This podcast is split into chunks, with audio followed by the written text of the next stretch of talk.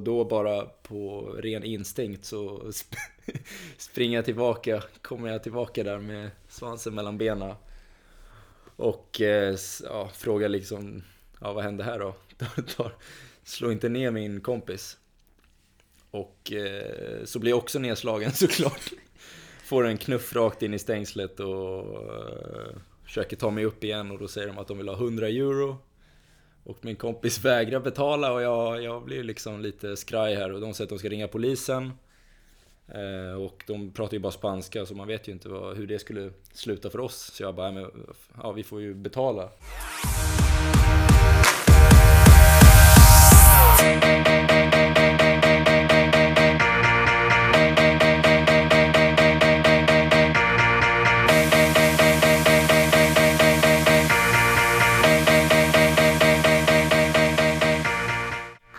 Avsnitt 48 av Source, en podd om tennis. Jag som pratar heter Alex Theodoridis och gäst i detta avsnitt är Jonathan Merida som i skrivande stund ligger rankad 941 i världen. Jonathan förbereder sig just nu i allra högsta grad för 2019 efter ett skadedrabbat 2018 fyllt av motgångar. Vad avsnittet handlar om hittar ni i beskrivningen. Här kommer avsnitt 48 i Source, en podd om tennis med Jonathan Merida. Mycket nöje!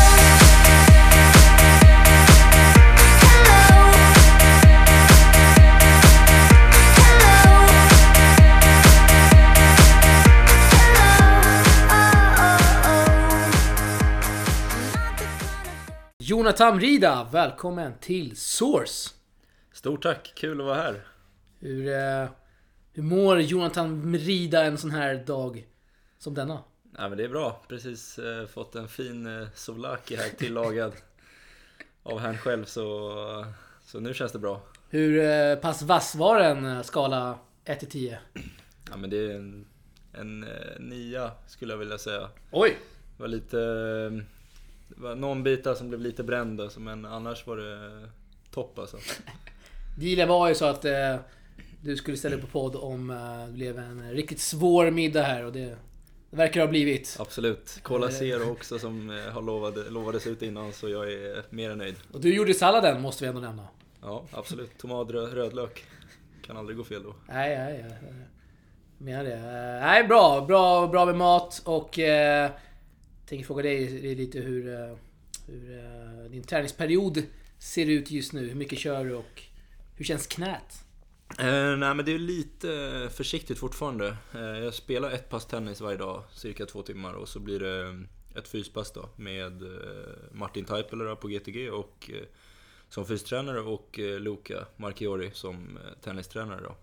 Eh, men jag får ta det lite lugnt eftersom jag har gjort mina injektioner nu så så det är fortfarande inte helt hundra, det är lite ömt och sådär. Jag kan inte träna precis som jag hade önskat och kanske helt smärtfritt. Men, så jag får ta det lite försiktigt som sagt och eh, hoppas på att det lägger sig lite vecka för vecka. Eller dag för dag till och med.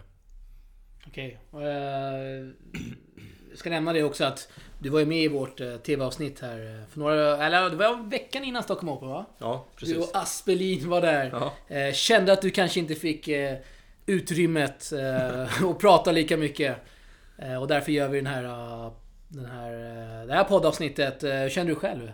Nej men jag tyckte det var, det var rätt lagom. Så ett första framträdande på Source, då får man ju liksom vara lite i skymundan bakom Simon. Så det, jag, jag var nöjd ändå. Jag lägga till att vi, vi kanske snuddar på saker som vi pratade om lite då. Du fick ju summera ditt år där. Mm. Men så får det helt enkelt bli.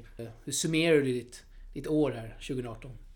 Ehm, ah, det, det har ju inte varit eh, kanske det mest händelserika året. Det har ju varit mycket, mycket rehab, eh, mycket doktor, doktorer som man träffat och mycket fysios, eh, mycket serietittande, lite läsning. Vilka eh, serier kör du? Måste pausa där.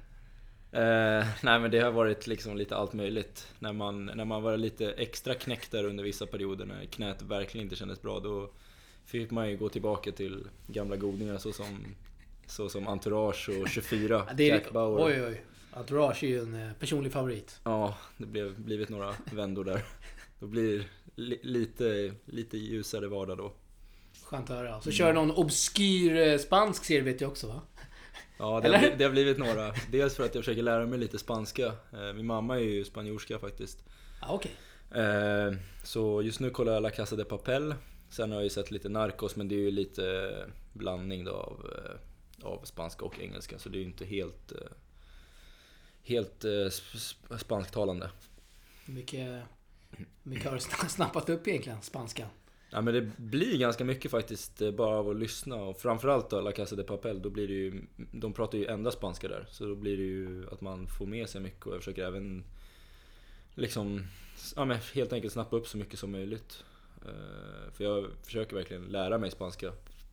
Skönt att höra. Eh, om vi går tillbaka lite till Good to Great. Hur ser sparringen ut där nu när du nämnde ju två där Eh, två tränare. Hur, eh, vilka sparrar du med nu på, på hemmaplan? Eh, just nu har det inte varit jättemycket sparring för min del. För att de andra killarna är i Doha faktiskt på en Future-tävling där. Så de har dragit dit och, och det är ju Karl Friberg, Sam Taylor åker, åker dit idag. Han har varit i Göteborg någon vecka och tränat lite sådär. sen är det Antoine Bellier från Schweiz som annars är på GTG. Okay.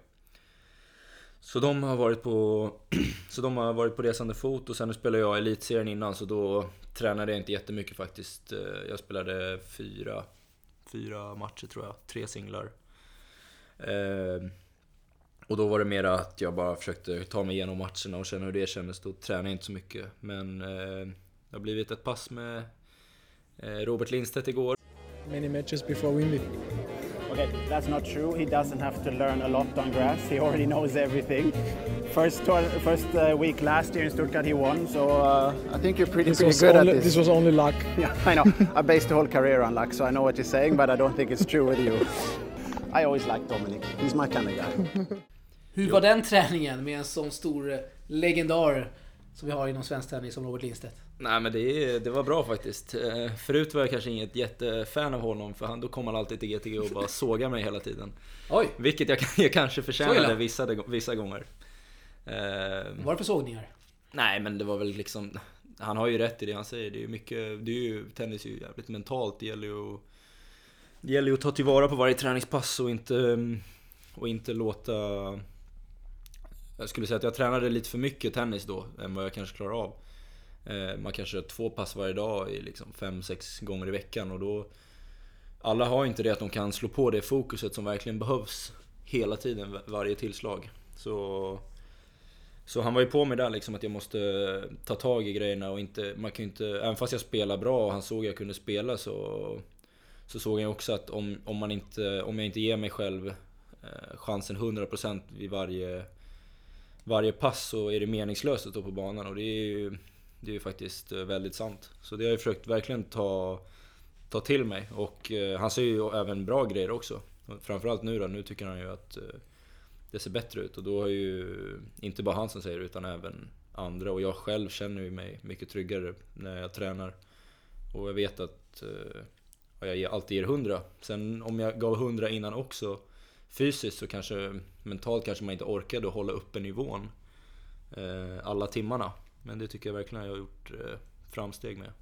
Föredömligt ändå av Robban där och ge lite, lite tips. Men vad, vad körde ni igår? Var det lite älvor och sånt eller? Nej. Sånt som jag gillar? Nej, eh, det blev inga älvor. Han, han har inte tränat allt för mycket. Jag tror, så han börjar med sin tennis nu och så det var väl lite, vi gick igenom alla slagen och får en backhand, volley, serva igenom lite, körde några lite crossövningar. Eh, så det var inget jättespeciellt men ett mer eller mindre ett vanligt eh, träningspass där man går igenom allt och försöker eh, slipa på vissa små grejer. Kanske någonting man jobbar på och sådär. Kul, kul! Mm. Och eh, lite förhoppningar inför 2019. Nytt rankingsystem. Mm. hur, hur stor koll har du på det? Uh, nej men... Uh, jag har sett min shadow ranking. Då ligger jag cirka 500-600 på den här ITF-rankingen då. Som, ja, transition rankingen eller vad, okay. vad, vad, man kallar den. Och så har jag inte spelat så mycket tävlingar Det blev bara, ja, vad blev det, 4-5 tävlingar tror jag. Uh, så jag har inte, och så har jag inte tagit några poäng i någon Challenger. Så jag har inga ATP-poäng för nästa år. Eh, så då har jag ingen ATP-ranking. Eh, så då blir det väl att, ja, att börja om lite. Eh, men jag har ju dock 8 protected ranking på cirka 500 att använda innan april. Så, Okay. så mina förhoppningar och mina mål är ju att använda i princip alla innan, innan det och ligga ute mycket och köra.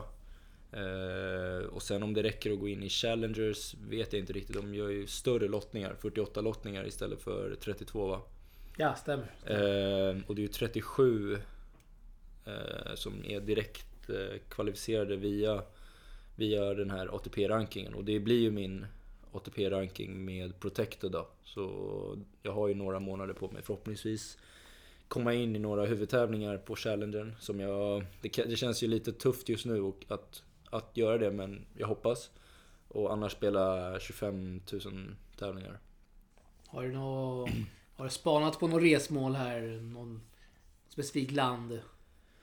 Ja men det känns som att eh, jag ska försöka sätta igång första veckan direkt. Eh, jag har inte spelat någon tävling sen Falun Future. Där knät kändes sådär faktiskt. Eh, så nu har jag fått några matcher i elitserien och börjat träna lite mer. Eh, och hoppas att det är helt hundra tills januari. Och då blir det väl kanske en USA-tripp. Eh, LA 25 och Arizona 25 000. Och eh, eventuellt eh, en 15 i Naples. Om jag inte skulle komma in i första veckan i januari i antingen Orlando Challenger eller eh, den i Playford, Australien. Men det känns eh, lite långt bort just nu i alla fall. Får se hur listan utvecklar sig. Vi hoppas på det bästa. Jag tänkte fråga dig lite om hur din eh, ekonomiska situation ser ut. Hur, eh, om vi tar 2018 då, hur mycket... Nu har du varit skadad men eh, säg att du... I snitt då, vad, vad ligger en eh, summa på under ett år att resa och allt? Vad det kostar att ligga ute? Ja, alltså det, det är faktiskt min pappa som sköter allt med min ekonomi att göra. Han har koll på alla transaktioner och översättningar och utgifter. Eh, och eh, har inte lagt mig i allt för mycket där faktiskt. Även fast man tycker kanske jag borde göra det. Jag är ändå 23 år.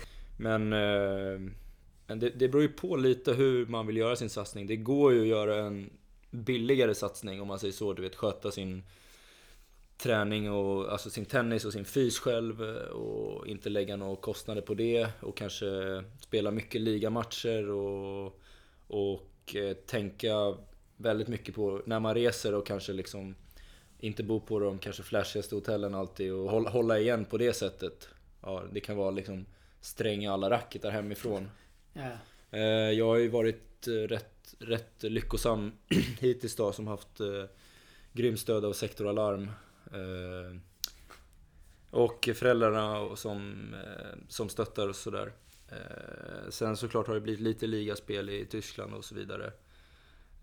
Och på det sättet kan man ju gå runt lite och så förhoppningsvis om man spelar bra i tävlingar få, få prispengar. Vilket nu för tiden när jag spelar 25 år så om jag reser själv då så går jag inte back allt för mycket. Då förhoppningsvis så blir det ju plus minus noll, kanske lite, lite, lite plus om man har tur med flyg och sådär. Och, och så. Men, eh, men eh, jag har ju, jag har ju, kör ju med Martin Taipale på, på GTG. Och eh, har även varit i Spanien några veckor. Och det är ju någonting jag känner att jag behöver investera i för att min kropp och sådär ska bli bättre. Eh, Och eh, att jag ska kunna hålla då, så att det inte blir som i år. Och även många fysio och läkarbesök som, som kostar såklart. Hur viktig är den delen om man säger så? Med hela fysträning och den biten. Skulle du säga? Ja, det är grymt viktigt, jag känt sen jag började med Martin i somras att, att det verkligen har gått framåt. Jag servar 15-20 km i timmen hårdare och, Oj och även fast vi inte ens jobbat med att röra mig snabbare så rör jag mig ändå snabbare. Bara på, på all fysträning vi kört och min eh, uthållighet har blivit, eh, blivit bättre och, eh, och det känns verkligen som att jag är på rätt väg. Om jag kan fortsätta bara göra, jobba som vi kört och, och förhoppningsvis hålla mig skadefri nästa år. Kul. Eh, Du nämnde lite idag innan här vi spelade in att du har varit och fysat lite idag. Sådär. Hur, hur ser en helt vanlig dag ut för dig nu när säsongen är över? Kan du... Eh, nej men... eh, När vaknar du till exempel? Eller när går du upp? Är det 6.00? Nej det är det gröt. faktiskt inte. Jag, så, så tidigt klarar inte jag att gå upp. Så det brukar bli lite efter sju. När, man när jag tränar nio så börjar uppvärmningen typ 20 över åtta. Tar ju rätt lång tid alltså. Eh, cykla, rulla, stretcha och lite rörlighetsövningar och, och kanske eh, om man, är, om man är väldigt duktig kör lite, lite snabba fötter och sådär så att man är igång 100%. Eh, sen är det ju tennis två timmar eh, och sen lite vila, lunch och så ett fyspass och då brukar jag köra typ en och en halv, en och en halv timmas pass så man verkligen får igenom allt. Och sen eh, har jag sen senaste ett och ett halvt åren kör jag oftast ett pass tennis om dagen för att hålla kvaliteten uppe. Eh, och även inte gå på och av så mycket för mina knän, knäns skull också. Okej. Mm. Där ser man. Eh, många timmar tennis blir det alltså. Men det är det som behövs. Antar jag. Ja, jag tror det men Måste även... man väl göra ändå. Ja, och jag tror ändå jag tränar mindre än många. Men, men det är viktigt att hålla kvaliteten uppe som sagt. Att man inte kör som jag vet att många, som jag gjorde när jag var yngre också. Och som många juniorer som kanske inte har, som inte går fullt i gymnasiet eller grundskolan. De är ju liksom i hallen hela dagen. Inte bara på Good to Great då, utan även andra klubbar där de kör två pass när de inte klarar av det. Och det kände jag verkligen gjorde stor skillnad för mig. Och träna lite mindre men med bättre kvalitet och då blev jag bättre. Gäller att vara smart där med, med träningen med andra ord. Ja, absolut. Eh, Vi ska, vi ska backa bandet till 2017. Jag vet att jag gjorde en intervju här med dig. Eller då. eh, På tennisplanen. Du fick summera ditt år. Eh, Och så på frågan då. Sjukaste som hänt under året. Så svarade du följande. När jag var i Alicante på träningsläger och blev nedslagen utanför en restaurang. Ger inga vidare detaljer. Vill du utveckla det eller ska vi gå vidare? Eh, nej men jag kan väl utveckla det faktiskt, det kan jag faktiskt göra. Du Men får eh, ändå chansen här. Med... jag var med en, en träningspartner då. Eh, I Alicante som sagt. Och ja, jag nämner inte vem det var då. Nej, det behöver du Jag håller, inte göra. håller hen utesluten. Eh, Men så skulle vi, vi hade tränat hela dagen och så faktiskt kört paddel på kvällen med eh, några andra spanjorer. Skulle vi hitta någonstans att käka så ser vi något eh, sushi-ställe liksom. Och eh, bestämmer oss för att gå in där och ja men lite sushi går ju snabbt och sen kan man ju gå och lägga sig. Ja. Sitter vi där i 40 minuter, kommer ingenting, ingen mat, ingen dricka knappt, lite vatten tror jag vi fick. Och så var det några rätter vi hade beställt in. Kom in en sjögrässallad efter 50 minuter som hade is överallt. Lyfte upp en klump med is. Eh, så frågade jag han som arbetade där bara, men det här är ju is bara. Bara, nej, no, no, no, it's, uh, it's Japanese style. Det gick ju inte att äta, det var ju is, is liksom. Kan ju inte äta is i is till förrätt. Nej, nej, det kan man inte. Ställde undan den och så går det liksom 15-20 minuter till så skulle det komma lite sushi. Får vi två bitar sushi har vi väntat i över en timma och så ska vi doppa varsin bit då i soja så bara riset bara faller samman totalt. Eh, så det var en liten laxbit kvar bara. Eh, som var is också den. Och så säger min kompis då, då eh, nej om inte, om inte det kommer något bra nu efter, om fem minuter då går jag bara. Och jag eh, reagerar inte mer på det, jag bara, ja eller hur, typ sådär. Och så går det, så går det fem minuter och så, så ställer han sig upp och bara går. Han bara lämnar Han, restaurangen. han bara lämnar. Och det var ju inte fullt där, det var ju bara jag och han. Eh, Men det var ju lite såhär nattklubbsrestaurang nästan. Så eh, det var, lite, det var lite konstigt att äta middag där på något sätt. Eh, även fast det låg ett plaza där vi brukade äta och vi hade ätit på de andra restaurangerna så var det bara den här vi hade kvar att testa. Så min kompis han, eh, han, han går, går alltså och går rätt fort. Och så servitriserna och de som arbetar, de, de kollar inte just då. Så tänker jag, men ska jag vara kvar här då? Så går jag, går jag efter då. Och, eh, och joggar i kapp. Och eh, så börjar vi springa. och, eh, och jag springer förbi. Och så springer jag någon, några, kanske 20-30 sekunder och så vänder jag mig om och så är inte han kvar där. Eh, inte bredvid mig, inte bakom mig, ingenting. Och jag fattar ingenting. Och så, Oj. så går jag tillbaka lite bakom ett hus. Och så ser jag att eh, två håller fast min kompis då vid gatan mot ett staket med händerna bakom ryggen. Och... Eh, Jävlar. Matar då alltså? Nej. nej, de håller fast honom stenhårt liksom. Bara trycker upp ansiktet i staketet. Och jag bara, nej men det här, han får klara sig själv det här. Nu drar jag. och så sparkar de honom i knävecket. Och då bara på ren instinkt så sp springer jag tillbaka, kommer jag tillbaka där med svansen mellan benen. Och eh, ja, frågar liksom, ja vad hände här då? Slå inte ner min kompis. Och eh, så blir jag också nedslagen såklart. Får en knuff rakt in i stängslet och eh, försöker ta mig upp igen och då säger de att de vill ha 100 euro. Och min kompis vägrar betala och jag, jag blir liksom lite skraj här och de säger att de ska ringa polisen. Eh, och de pratar ju bara spanska så man vet ju inte vad, hur det skulle sluta för oss. Så jag bara, men, ja vi får ju betala. Eh, nej just det, det var faktiskt så att han sa 18 euros. Och då trodde vi 18 euro. Så hade jag en 100 euro sedel på mig, så gav jag den. Så tog de bara den och så... Min kompis ryckte åt sig den snabbt Nej ni sa ju 18. Han bara, då, då säger de no no no 80. Och eh, min kompis håller kvar sedeln här och så får han en till smäll. I magen liksom så han ramlar ner. Jag bara nej men nu får du ta och ge, ge pengarna här så annars kommer det att sluta illa. Så gav han pengarna och så gick vi därifrån. Så det var, det var den alltså. storyn. Det var ingen skarvning. Nej, fy fan. Det finns många läxor att lära sig av det här känner jag. Jo, alltså vi fick ju ingen mat. Med facit i hand. Eh, du nämner att det, det var inget folk där. Lite Nej. nattklubbsaktigt. Nej, men det hade ju varit lugnt om min kompis bara hade hakat på och sprungit. Men nu stannade han av någon anledning. Eh, så... Och så riktigt obskyr sushi. I Spanien dessutom. Ja, det var inte bra. Det kanske finns bra sushi i Spanien, vad vet jag. Nej, det, jag har varit där några gånger och jag har inte ätit något bra. de ligger i lä där faktiskt. Eh. Men jag tänker så här, det här är, du berättar en grej så här, men hur mycket liknande händelser har liksom, du varit med om under dina... Du har ändå varit ute några år och rest här, är det? Ja, det, är det såna sjuka det stories man blir... Det är ju någonting varje vecka. Det är så? Nej, nej. nej.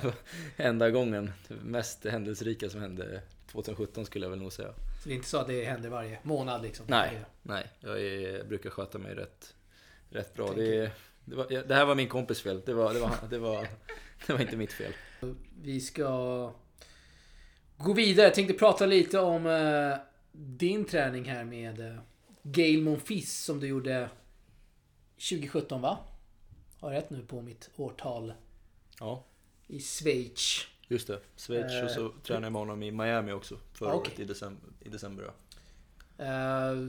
Samma intervju då så pratade du om Game of Fizz och så berättade du att ni kör lite butts up, lite rulla under nätet, gå skottkärra. Alltså jag, lite jag allt kör, möjligt. Jag körde inte det, det var ju han som körde. Det var han som körde det. Det var inte min Med idé. dig? Eh, på mig. På dig? På mig. det måste du utveckla här. Nej men han, eh, han var ju, han är ju väldigt snäll och jag håller fortfarande kontakten faktiskt. Och, och han, han är ju liksom nyfiken och undrar hur det går för mina knän och han väntar på mig på touren säger han. Bro, I'm waiting for you. Så, så han, vi håller lite kontakten och, och han tyckte det funkade bra i Schweiz när vi tränade och då coachades han ju av eh, Micke Tillström. Som eh, frågade mig om jag ville hänga med till Schweiz då eh, innan Franska öppna och sen tyckte väl båda de att eh, ja, det gick bra på träningen och då fick jag åka med till Miami och träna med honom eh, igen då. Ehm, tyvärr så skadade jag mitt knä där i sista dagarna i december. Det blev lite för mycket, för mycket tennis för mig. Ehm, innan, okay. Eh, innan också, så jag spelade alla elitseriematcher och så åkte jag direkt. Han inte få någon riktig fysträning och vila. Så det var liksom lite för mycket av tennis helt enkelt. Men... Vad var du tränade med han då? Vad... Nej men det var ju jättebra. Lärorikt och kul och... Och han körde på... Det var, han körde på ordentligt faktiskt. Ehm, så det var, det var bara positivt. Men som jag fattar rätt så var det alltså någonting... Eh, något straff efter varje träning. Den som förlorade antar jag fick göra någonting. Ja, alltså förloraren behövde alltid göra någonting. Det var, kunde vara allt från 10 butts up till att springa efter en iguana och försöka kyssa den i Miami där, Crandon Park. Hur mycket vann du vill man ju undra.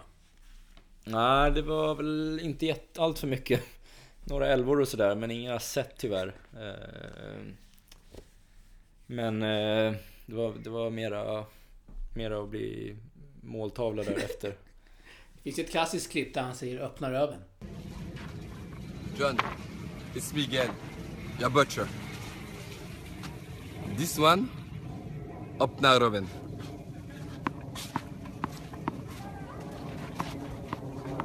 I wish you can have it, you know, it's your fun. I will give everything I have, everything. Got it? Ready?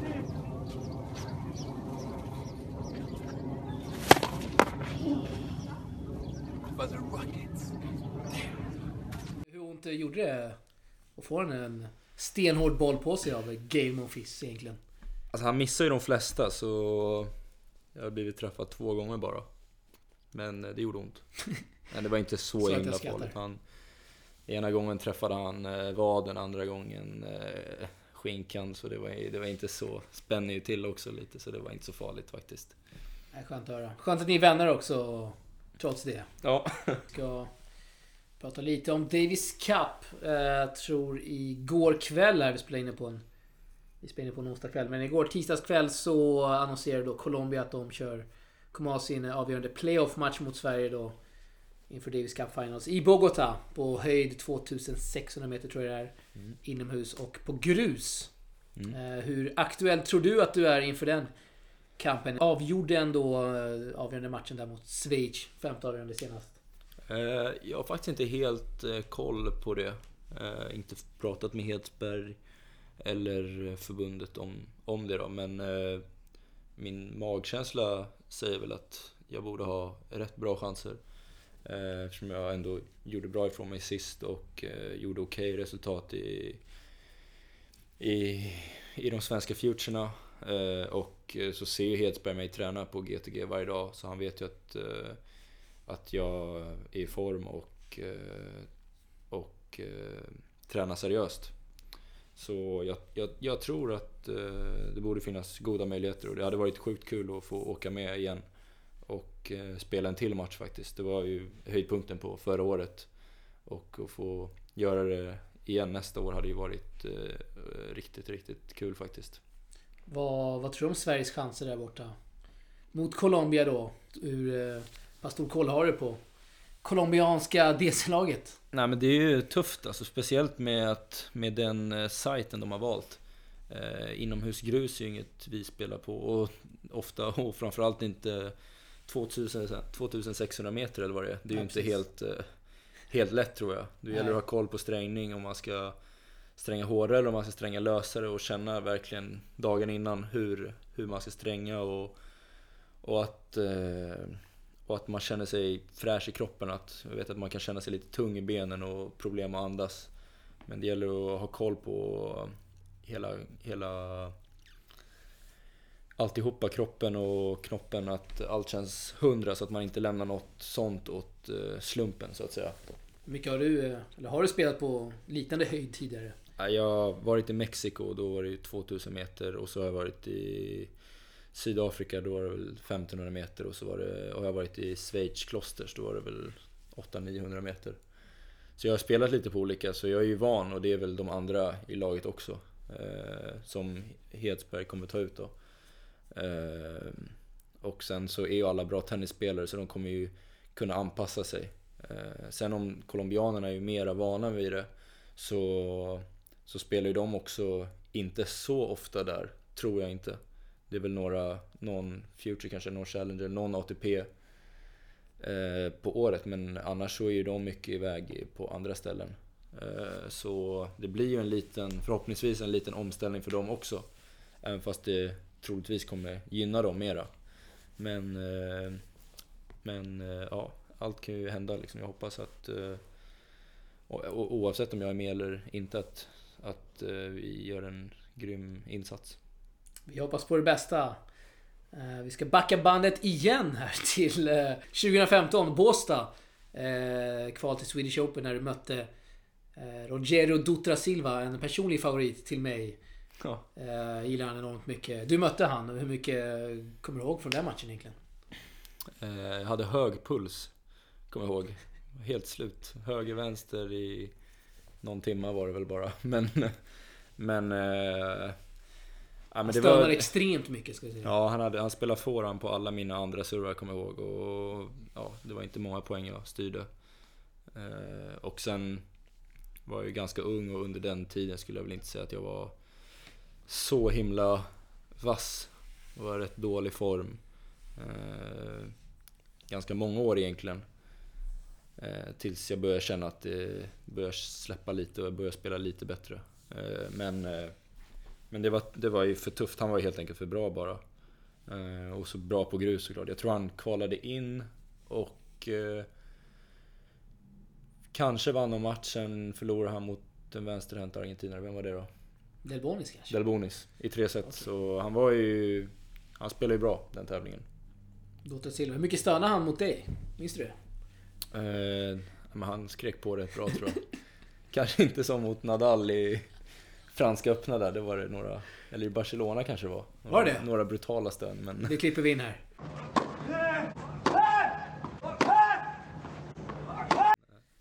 Han skrek på rätt bra tror jag. Och eh, vi fortsätter det här med att backa band. Eh, 2013 då. Fem år sedan, då var det 18 va? Eh, Tror jag. det stämmer bra. Kvalet i Båstad igen. Du mötte Diego Schwartzman. Den lilla argentinaren. eh, Ja. Mycket minns du från den matchen?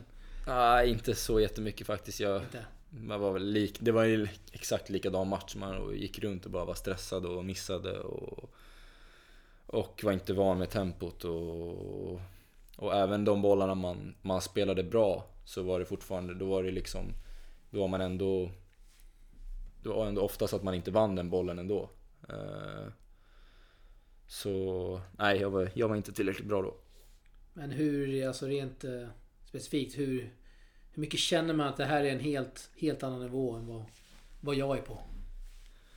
Alltså, Eller känner man att man är, men det, här, det här hänger jag med liksom. Jag, Nej men det, då kände inte jag det i alla fall.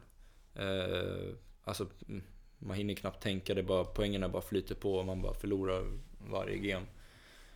I stort sett som spelas så man, nej, man har ingen chans egentligen. Eh, framförallt inte liksom när man Ja, kanske inte är helt fysiskt med liksom, redo och, och orkar liksom. Som jag kanske inte gjorde just då i det tempot. Så nej, det var, det var, det var knappt att man... Jag försökte bara ta gem då. Så dålig var jag. det, var ung, det var ung ska vi säga. Eh, är Diego eller möjligtvis eh, Dutra Silva den bästa spelaren du har mött i match då? Mm. Ja, Då tror jag Schwarzman låg runt 120, men nu är han väl topp 20. Eh, 17 är han. 17 till och med. Eh, så jag tror han nog är den högst rankade spelaren jag förlorat mot och mött. Men... Eh, och även kanske då också. Jag mött Pavlasek, jag vet inte om han var topp 100 när jag mötte honom eh, i Polen. Eh, Han hade en bra streak för några år sedan va? Gick väldigt bra. Ja, jag tror han... Veckan innan var han väl i tredje rundan eller sådär, förlorade mot Djokovic. Och sen spelade han i Polen mot mig då. I, vad var det, Sop, Sopot. Veckan efter. Sopot, det är... eh, Det är väl Polens motsvarighet till Båstad? Eller? Nej, det var inte Sopot, det var Poznan. Ja, Poznan. Ja, Okej. Poznan var det. Ta tillbaka Sopot. Ja, det får vi, Där klippa, det varit får vi klippa bort då. Ja. Nej, du har varit där. Jag har varit i Sopot också. Eh, på... Stämmer det att det är som Båstad fast i Polen? Eller? Ja, jag vet inte riktigt. Alltså det, ja, kanske. Kanske under ATP-tävlingen som var där för flera år sedan. Eh, Men jag var ju där och spelade en Future två år sedan tror jag det var. Och eh, bodde i någon Airbnb-lägenhet med Jonas Siverts och Friberg och jag tror inte vi tyckte det var som Båstad riktigt. Ja, det ser man. Det ser man. Eh, Vi har lite tittarfrågor till dig Jonathan. Tackar alla våra lyssnare och följare och läsare för de frågorna. Mm. Eh, Fått in väldigt många. Som sig bör. Härligt. Vi eh, kör första. Eh, tuff fråga här ändå. Vad saknar du för att komma vidare på rankingen? Knän. Nej, men eh, hela knän hade ju hjälpt. Eh, om, om man får vara helt skadefri så... Så det känns inte riktigt som att jag har eh, stannat upp än. Eh, det, visst, det kanske jag gjorde när jag var 18, 19, 20, 21. Men efter det så har jag börjat klättra och börjat spela bättre. Men eh, jag har inte spelat en full säsong än. Så det känns inte riktigt som att jag kan säga att jag saknar något än.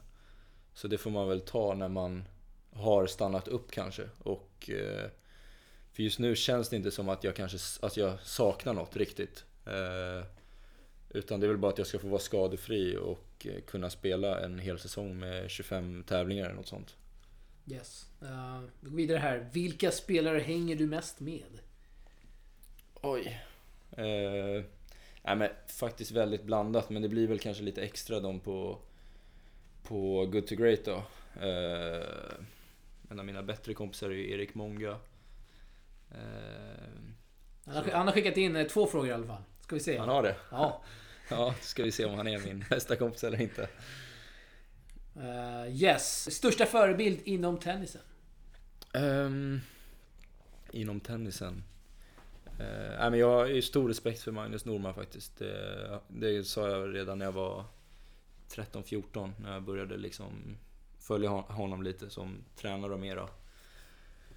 Eh, sjukt ödmjuk, eh, bra, perfekt, eh, perfekt förebild faktiskt. Eh, grym respekt mot alla oavsett vad de jobbar med eller vad deras tennisnivå eller eh, eller så, så han är ju en stor förebild faktiskt och hjälper även mig. Eh, om jag behöver något eller om jag tänker på något eller undrar något så svarar han alltid eller ställer alltid upp och kan prata och sådär. Så ja. Eh, vad, är, vad är det för tips han har? Han har gett dig? Är det mer om eh, livet i allmänhet eller Nej, men... någonting på tennisbanan? Nej, men allt, allt möjligt faktiskt. Det, kan, det behöver inte vara något eh, speciellt. Han har, han har ju han har ju fixat så att, eh, att Luka jobbar med mig och några andra spelare. Eh, och eh, jag vet när jag kom till honom eh, för något år sedan, var jag lite vilse hur jag skulle liksom lägga upp mitt spel. Det kändes inte helt bra och då fixade han faktiskt så att Luka kunde resa med mig och, eh, och ta tag i några av oss eh, lite äldre men ändå unga spelare på GTG. Eh, och var med faktiskt och vägledde, vägledde mig och hur kanske lite hur planeringen och träningen skulle sättas upp och även guida Luka lite hur han kunde träna oss. Så han hjälper till så mycket han kan med allt möjligt. Sen om det, ja det kan vara vad som helst faktiskt. Mest obskyra som hänt 2018? Har du något sånt? Du nämnde ju den här incidenten i Spanien, men det var ju 2017 på rak arm här kommer jag faktiskt inte på någonting. Du får uh, sitta och fila på den kanske om, den ja. di, om du di, uh, kommer på någonting senare. Mm. Uh, har du någonsin blivit starstruck av en tennisspelare? Starstruck, är det då alltså att jag tycker wow shit vad bra han är? Eller hon? Antingen det eller att du ser någon och så tänker du oj Shit det här är... Ja men det, blir, det pirrar i magen och... Um, om du hänger med på vad jag menar. Jo. Ja, jag vet det har inte varit så att du ser Federer och bara oj, shit, det här är stort liksom. Nej. Eller någon uh, annan stor profil kanske. Nej, men... Uh, inte riktigt alltså. Faktiskt inte. I år pratar du här nu eller? Nej, allmänt. Allmänt, karriären. Nej, men när jag var yngre såklart. Alltså när, man, när jag såg Federer i Stockholm och Nadal i Båstad. Det var ju, det var ju coolt. Eh, men eh, kanske inte efter det. Det var ju, det var ju några år sedan nu. Du har växt upp helt enkelt? Ja men, ja, men lite. Sen gillar jag, älskar jag att kolla på tennis eller när, när spelare som är bra tränar. Det behöver inte vara att de är topp 10 i världen. Det kan vara, det kan vara topp 200 killar som jag tycker fortfarande är grymt kul att kolla hur de tränar och när de spelar matcher. Och det finns ju alltid saker att lära sig och se hur andra spelare gör. Om du fick ändra en regel i Elitserien, vad skulle det då vara?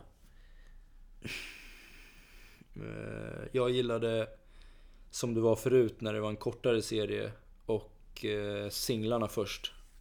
För, eh, alltså både och, dubbel, visst då blir man ju Då går man ju, alla går in för dubblarna fullt. Förut kunde det ju vara 4-0 och så var det liksom lite betydelselösa dubblar. Eh, så nu är det ju inget sånt, men jag gillar ändå det mer för jag vill ju vara som bäst i singeln och som fräschast och ladda om på 15-20 minuter till en, från en dubbel som ofta är super tiebreak och ofta är väldigt känsloladdad eh, till, till att spela singel tycker jag är rätt tufft. Då man stressar i sig lite käk och byta om lite snabbt och sen ska man spela igen.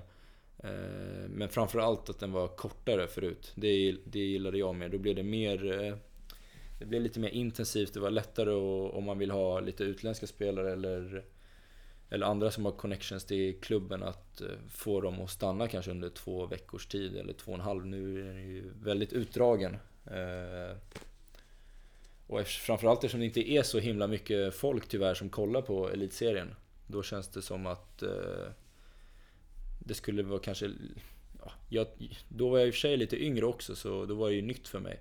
Men då, det tyckte jag var väldigt eh, bra när den var kort, så då kunde man liksom få med, få med sig och spela andra tävlingar eh, både under, under den perioden helt enkelt. Känner du att man kan göra någonting bättre kanske för att höja intresset kring elitserien i Sverige? Någonting du kom på spontant eller har tänkt på tidigare kanske? Ni ser att man har de, vissa matcher samlade på Salk till exempel som har många banor. Då blir det ju mer folk. Sen vet jag inte, då blir det ju kanske ingen hemmakänsla och sådär. Kanske fördel Salk då, då. Du gillar mer det här nya Davis Cup helt enkelt? Ja. Man kör neutral mark. Ja, det... Nej, jag kanske tar tillbaka det. Men, det får du eh, gilla om du vill. Det är, herregud. Ja, det vet jag inte. Alltså det nya Davis Cup-systemet, det, det, det, har jag faktiskt ingen, ingen riktig... Jag har inte spelat Jag har ju spelat nu då i Schweiz. Och det var ju riktigt coolt men eh, det känns ju som att jag har hört mest negativt om det nya men jag vill inte riktigt uttala ja, Så är det ju jag, jag vet inte riktigt. Men, eh, åsikter får man ha. Ja. Nej men TV4 de kan ju börja sända var, innan varje elitseriematch att lägga upp schema och att vart man ska befinna sig om man vill se bra tennis. Kanske. Det är bra, det är bra. Jag gillar det. Ställer höga krav här. Ja, lika bra. Gilla. Uh, Stream då i elitserien, är det någonting du tror? Du nämnde TV4 här, men tror att man kanske kan... Ja, jag... Förbundet kommer på någon... Uh, jag tror inför vi... lite stream på matcher. Det är några som har klubbar, men ja, det är jag tror långt ifrån alla. Förra året så... När vi mötte Fair Play så streamade de via Facebook. Och, det gör de eh, fortfarande, yes. De gör det? Ja. Så då vet jag har streamat att, lite. Ja, då vet det är många som inte gör det, klubbar. Nej, många har ju kollat liksom via Via Facebook då vet jag att jag fick lite folk som skrev till mig att de har sett när jag spelar och sådär i, i Fair Play då. Eh, så varför inte, men det bästa är om de kommer istället. Det är dåligt intresse med andra ord. Ja, jag, jag vet inte, det är ju rätt... Eh, man måste ju vara väldigt tennisintresserad om man ska orka se en hel tennismatch. Eh, fotboll, då är det lite mera action kanske. Ja. Nej, jag vet inte. Det där är en svår fråga. En svår fråga, yes. Eh, sjukaste racketnörden i Sverige? Um, Patrik Rosenholm. Utveckla. Nej, det finns ingen sjukare racketnörd än honom. Eh, Marcus Eriksson ligger ju högt där också. Men vad är det eh. Rosenholm har så bra koll på? Han har koll på allt. Henrik Wallensten. Ja, det är en uh, kamrat till mig. Du känner han? Kamrat till mig också, absolut. Är det sant? Han har, han har koll, han, han, han, har tagit mig igenom många svåra perioder i mitt liv med racketar. Oj, det är stort att höra. Men jag... Hank Wallensten. Ja, Hank of Sweden. På Twitter? På Twitter, absolut. Instagram eh, kanske? Han har ändrat där nu, han har något tyskt namn. ja, det har Wilderkaiser man säger. eh, du har mer koll än mig här. Ja, alltså. ja. Men, eh, han får en shoutout här i podden. Men eh, ja. Rosenholm nämnde du alltså som är... Ja. Han har koll på Rosenholm allt, alltså. och Marcus Eriksson, de tar, de tar täten där. Så kanske jag, jag är en eh, topp fem i alla fall. Då pratar vi liksom strängningstryck, senor. Allt pratar vi. Allt. Balans. Frames. Allting. Silikon. Allt. Vad finns det mer? Svingvikt, grepp, hur man vill ha den formad, eh, längd på racket. Det, det är hur mycket som helst med Hur mycket som helst. Ja, ja intressant. Eh, Sveriges mest underskattade tennisspelare?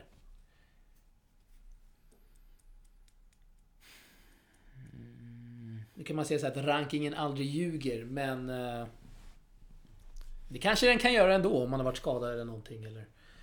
Eh, nej, jag vet faktiskt inte riktigt, tyvärr. Eh. Är det någon du känner att ah, men den här spelaren borde vi prata mer om eller så? Ehm, Som inte får så mycket tid i rampljuset kanske. nej, jag, nej, det vet jag faktiskt inte. Det var en dålig fråga helt enkelt. Eh, nej, nej. Jag, jag slänger in Erik Många där. Erik Många. Erik Många, han är Oj. lite... Han borde få mer tid i rampljuset. Erik Många, det har du svaret. Ja. Eh, Sista frågan här eh, Johan Tambida. Vi ska inte hålla dig allt för länge. Jag vet att eh, snart så måste du eh, gå för... Eh, varför då? nej, precis. Parkeringen där. Hur länge Ja, löper den nu till? Jag har sex minuter kvar. Okej, vi, får, eh, vi får skynda oss. Eh, De brukar vara rätt på här i, i Spånga ska vi säga. Ja. Eh, Så jag ska eh, fatta mig kort här. Vem i Source borde vi ha? Som vi inte haft med tidigare. Tycker du? Ehm, Det kan vara spelare, coach, profil, nu vad som nu helst. kommer jag få en käftsmäll här eh, imorgon kanske. Men Lokal expert. Men Rebecca Petersson. Rebecca Petersson. Vår bäst rankade damspelare i Ja. Sverige. Ja. Ligger 53 nu va? Tror jag. Eh, ja, jag har inte helt koll. Hon ska vara med. enligt dig. Ja. Det vore jävligt kul. ja. Att ha den bäst rankade damspelaren i Sverige. Hon är bäst ranking av alla ska vi säga. Mm. Ymer har väl 116 va? Eh, Rebecca ja, Petersson. Eh, kanske du får agera mellanhand där och sköta Ja, kanske. dealen. kanske. Ja, kul. Eh, yes! Johan Tambrida alltså. Jag har inte så mycket mer att säga till dig. Nej, tack för att jag fick komma. Kul, Kul att du snacka var om här sig. i uh, fina Spånga. Mm. Det ska jag få göra här sist. Du ska få önska en låt. Som vi avslutar programmet med. Vilken väljer du? Phil Collins, In the Air Tonight. Den är grym. Den är grym. Den är grym. Eh, Phil Collins, In the Air Tonight kommer här. Tack för att du